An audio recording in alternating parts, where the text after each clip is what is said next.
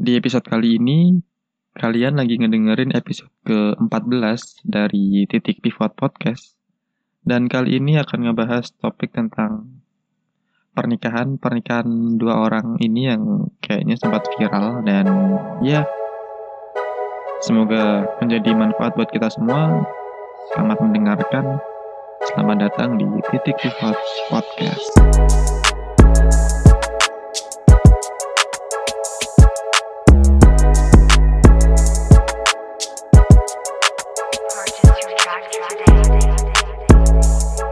Assalamualaikum warahmatullahi wabarakatuh teman-teman. Selamat pagi di sini pagi sih. Aku rekamnya pagi, jadi selamat pagi. Apa kabar kalian semua? Semoga baik-baik saja. Semoga dalam keadaan sehat selalu. Uh, tidak terjadi apa-apa dengan kalian dan tetap mematuhi protokol kesehatan yang ditetapkan pemerintah karena aku ngeliat data, uh, aku ngeliat data kemarin itu COVID uh, udah tinggi banget, udah puluhan ribu. Bahkan uh, yang positif jadi naik drastis gitu, kayak 2000-an per hari gitu. Jadi tetap pakai masker kalau keluar rumah, tetap jaga kesehatan, tetap jaga kebersihan dan semoga kita dalam lindungan Allah Subhanahu wa taala. Amin. Nah, di podcast kali ini kita akan ngebahas uh, sebuah topik kita akan ngebahas sebuah topik pernikahan. C pernikahan. Uh, pernikahannya lagi viral sih. Ini di sosial media viral banget. Pernikahan pernikahannya Dinda Hau apa sih gimana sih? Dinda HW kalau di Instagramnya tuh sama Bayang gitu. Di Instagram mereka sih mereka jelasin kalau mereka tuh menikah tanpa pacaran dan melalui jalan ta'aruf gitu. Dan alhamdulillahnya kita sekarang eh, anak-anak muda sekarang itu udah kayak berubah banget gitu. Kayak eh, ada gerakan-gerakan yang gerakan-gerakan positif yang eh, mereka memilih pernikahan mereka itu nggak melalui pacaran gitu, nggak melalui proses-proses yang tidak dihalalkan menurut Islam. Jadi mereka menikah itu melalui jalur e, ta'aruf.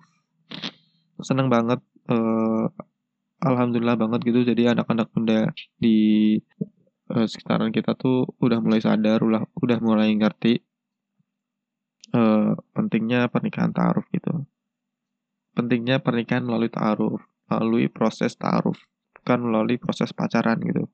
By the way teman-teman, uh, maafin kalau suara aku bindeng karena ini juga lagi pilek. Nggak tahu kenapa ini uh, entah virus apa ini yang masuk ke tubuhku tapi kayak lagi flu-flu gitu lagi kayak pilek-pilek gimana gitu. Jadi kalau suaranya nggak bindeng mohon dimaafkan lah. Oke lanjut. Uh, seneng banget uh, respon masyarakat tuh yang uh, netizen-netizen yang budiman ini juga di komen-komen mereka di story story-story bahkan di story-story teman-temanku tuh ada yang mereka nge-repost gitu postingan-postingan si uh, anak muda yang sangat menjadi apa ya menjadi panutan lah buat anak-anak muda milenial uh, saat ini ya. Mereka tuh bahkan ada yang nge-repost ada yang kayak baper-baper sendiri gitu. Padahal kan yang mereka yang menikah mereka gitu. Tapi yang baper uh, para netizen yang budiman. Uh, alhamdulillah banget uh, kalau kalau apa tuh namanya tuh uh, public figure itu uh, mencontohkan atau mempromosikan sesuatu hal yang positif sesuatu hal yang menurut agama itu baik itu aku respect banget sih karena uh, public figure itu jadi kayak jadi apa ya? Jadi role model gitu buat anak-anak sekarang gitu. Jadi apa pun yang dilakukan oleh mereka yang dilakukan oleh selebgram terus youtubers apalagi artis aktor itu biasanya para fans fans mereka juga akan ngikutin juga akan kayak ngefollow gitu ikut-ikutan uh, kayak hidup mereka ikut-ikutan trend fashion mereka ikut-ikutan uh, lifestyle mereka gitu. Dan uh, yang ngebuat apa tuh ya kayak salut gitu karena lifestyle mereka ini eh, lifestyle gaya hidup mereka gaya hidup yang dua orang ini menurutku juga lumayan uh, islami gitu lumayan apa ya nggak nggak ngisi konten dengan konten-konten yang gak berfaedah gitu. Ini beda banget sama selebgram selebgram atau ya aktor atau aktris yang dia ada, ada di Indonesia yang kebanyakan mereka tuh uh, ngasih konten atau uh, gaya hidup ke ke media ke sosial media mereka tuh yang glamor yang ya jauh dari ketaatan lah jauh dari aturan-aturan Islam gitu dan semoga gerakan mereka ini uh, bukan gerakan apa ya uh, pernikahan mereka ini jadi ngebuka mata untuk anak-anak muda.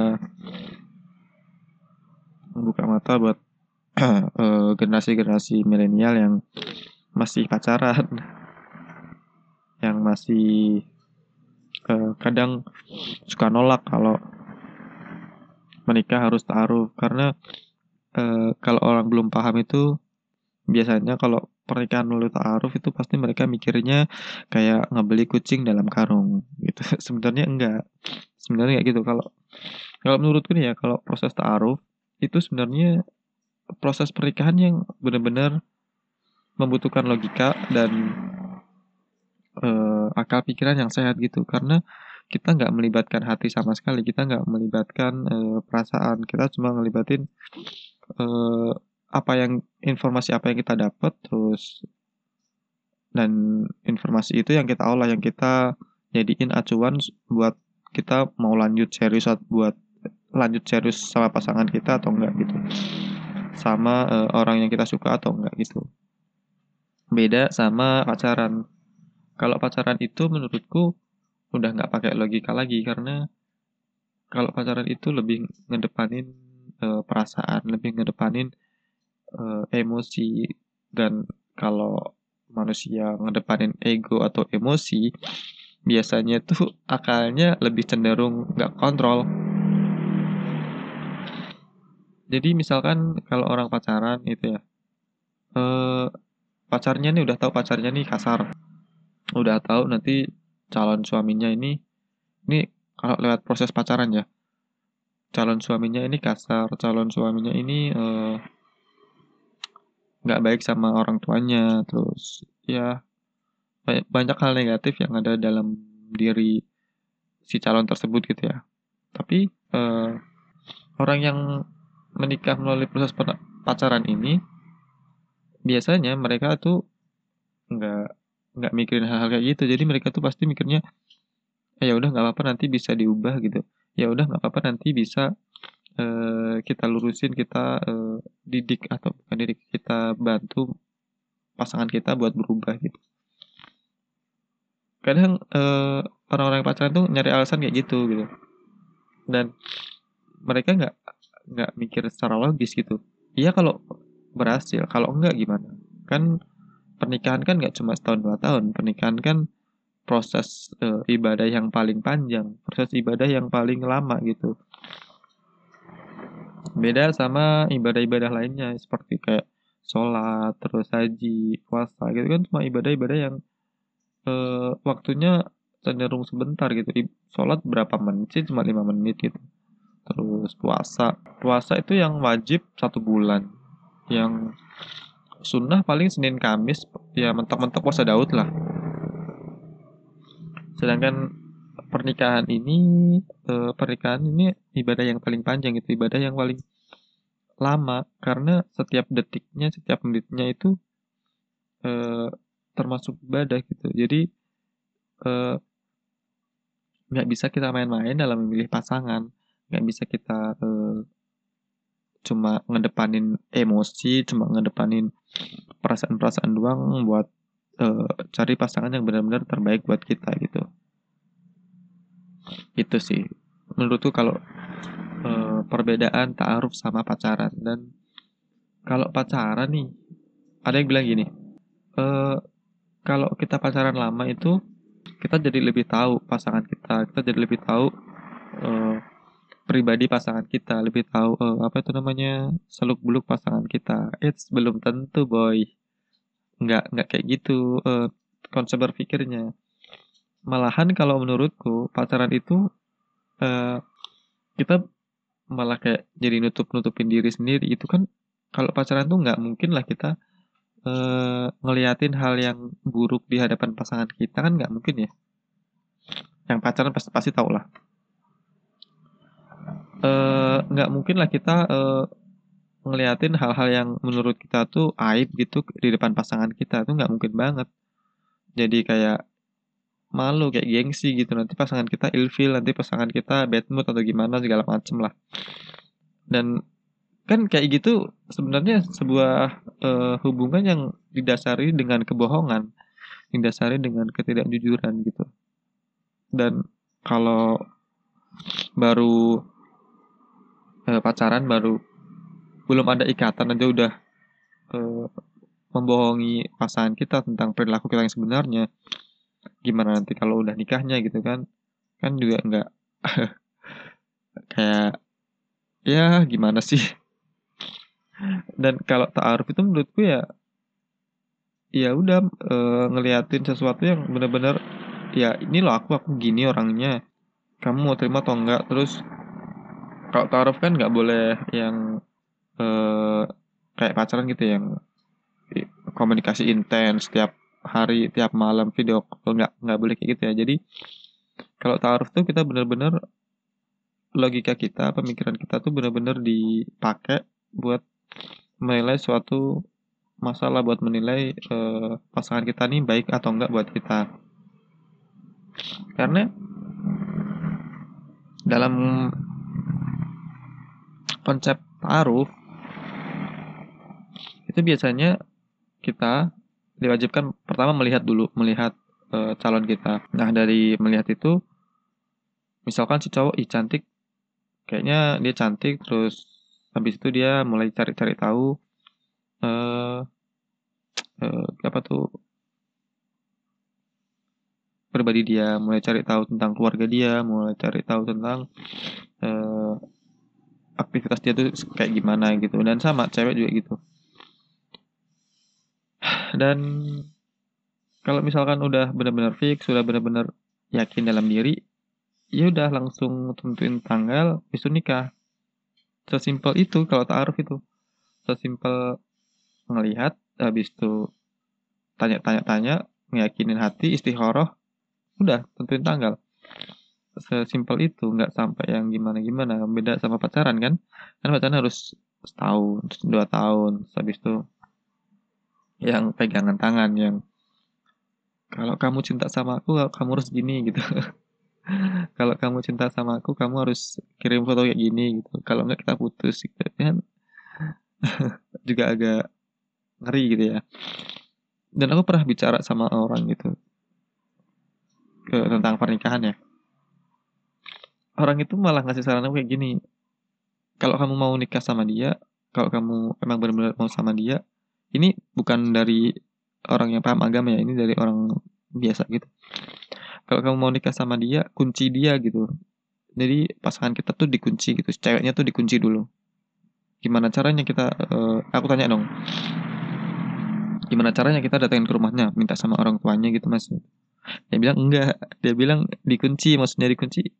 Ya kalian tahu lah maksudnya dikunci tuh di uh, ya digituin lah pokoknya supaya uh, si, si cewek ini bener-bener kayak nggak mau ditinggalin lagi nggak mau ditinggalin sama kita gitu. Karena dia udah ngasih semuanya buat kita terus kalau dia ditinggalin kan dia juga sakit hati banget. Makanya uh, nanti pasti dia nggak bakal ninggalin kita gitu. Sampai kayak gitu. Kalau orang paham agama. Nggak tahu ini jokes atau apa tapi uh, menurutku tuh kayak ya gimana ya? Uh, lucu juga sih. Aku juga baru tahu kalau emang kalau mau ngunci sebuah pasangan tuh sebuah hubungan tuh kayak gitu. Dengan hal-hal yang kayak gitu gitu. Ya lucu sih. Uh, uh, apa tuh namanya tuh? Padahal sebuah hubungan tuh nggak harus didasari dengan kejujuran didasari dengan uh, apa ya? Saling mempercayai saling ya uh, saling terbuka satu sama lain dan kalau udah ngelakuin kayak gitu ya gimana nanti ke depannya ya? Nggak kita nggak tahu juga. Dan mungkin uh, penutup uh, sebuah pesan yang bisa kita ambil dari sesuatu yang sedang viral kali ini ya. Alhamdulillahnya tuh udah banyak gitu. Alhamdulillah banget uh, banyak anak-anak muda yang apalagi influencer-influencer ini yang memperlihatkan mempertontonkan pada generasi muda Indonesia kepada generasi milenial uh, syariat-syariat Islam, ajaran-ajaran Islam yang mereka tuh nggak gengsi uh, ngejalaninnya, mereka nggak malu buat uh, ngelakuin hal yang menurut sebagian orang tabu, menurut sebagian orang nggak nggak keren, kuno gitu. Mereka tuh nggak gengsi, mereka nggak malu dan salut banget sih sama mereka sama para influencer-influencer ini yang berdakwah dengan cara mereka sendiri, dengan cara uh, apa ya? Dengan cara-cara yang sebenarnya kalau dalam Islam udah biasa, tapi mereka kemas dalam suatu hal yang jadi luar biasa itu. Banyak banyak belajar dari mereka, banget banyak belajar dari uh, konsep mereka dalam berdakwah. Oke. Okay. sekian dari podcast kali ini. Semoga kalian bisa mengambil uh, ibrah atau pelajaran dari episode podcast kali ini. Mau bersin tapi nggak bisa-bisa nih. Semoga kita selalu dalam lindungan Allah Subhanahu Wa Taala. Semoga kita juga dalam uh, dijaga Allah, dijaga iman kita, ketakwaan kita, ibadah kita sama Allah. Semoga kita selalu didekatkan sama Allah. Semoga juga kita diberi keimanan yang lebih, diberi ketakwaan yang lebih supaya kita lebih bisa mendekat lagi kepada Allah Subhanahu wa taala. Oke, udah itu aja mungkin yang bisa aku apa ya? react kali ini react react kayak udah kayak apa ya? kayak game ya, game di react gitu. Oke, sekian Uh, terima kasih teman-teman udah mau dengerin sampai selama ini, sepanjang ini. Jangan lupa juga buat kalian yang mau tanya-tanya atau tentang ya mau nanyain apa gitu, nanyain bisnis mungkin, nanyain topik-topik lain yang bisa kalian sampaikan. Kalian bisa DM aku di Instagram @ramadhanimataru atau kalian juga bisa lihat di YouTube uh, titik pivot. YouTube-nya channelnya namanya titik pivot juga. Kalian bisa searching kalian bisa subscribe. Kalau memang kontennya bermanfaat kalian bisa like dan share. Dan juga kalau konten podcast kali ini juga bermanfaat buat kalian bisa membuat dampak bagi kalian. Kalian bisa share kalian bisa bagiin konten ini ke teman-teman kalian saudara-saudara kalian oke terima kasih sekian dari aku di episode titik pivot podcast kali ini. Selamat pagi, selamat beraktivitas, dan selamat jumpa kembali di titik pivot podcast. Tetap sehat guys, tetap pakai masker, jangan lupa tetap jaga kesehatan, jaga kebersihan. Stay safe, stay positif.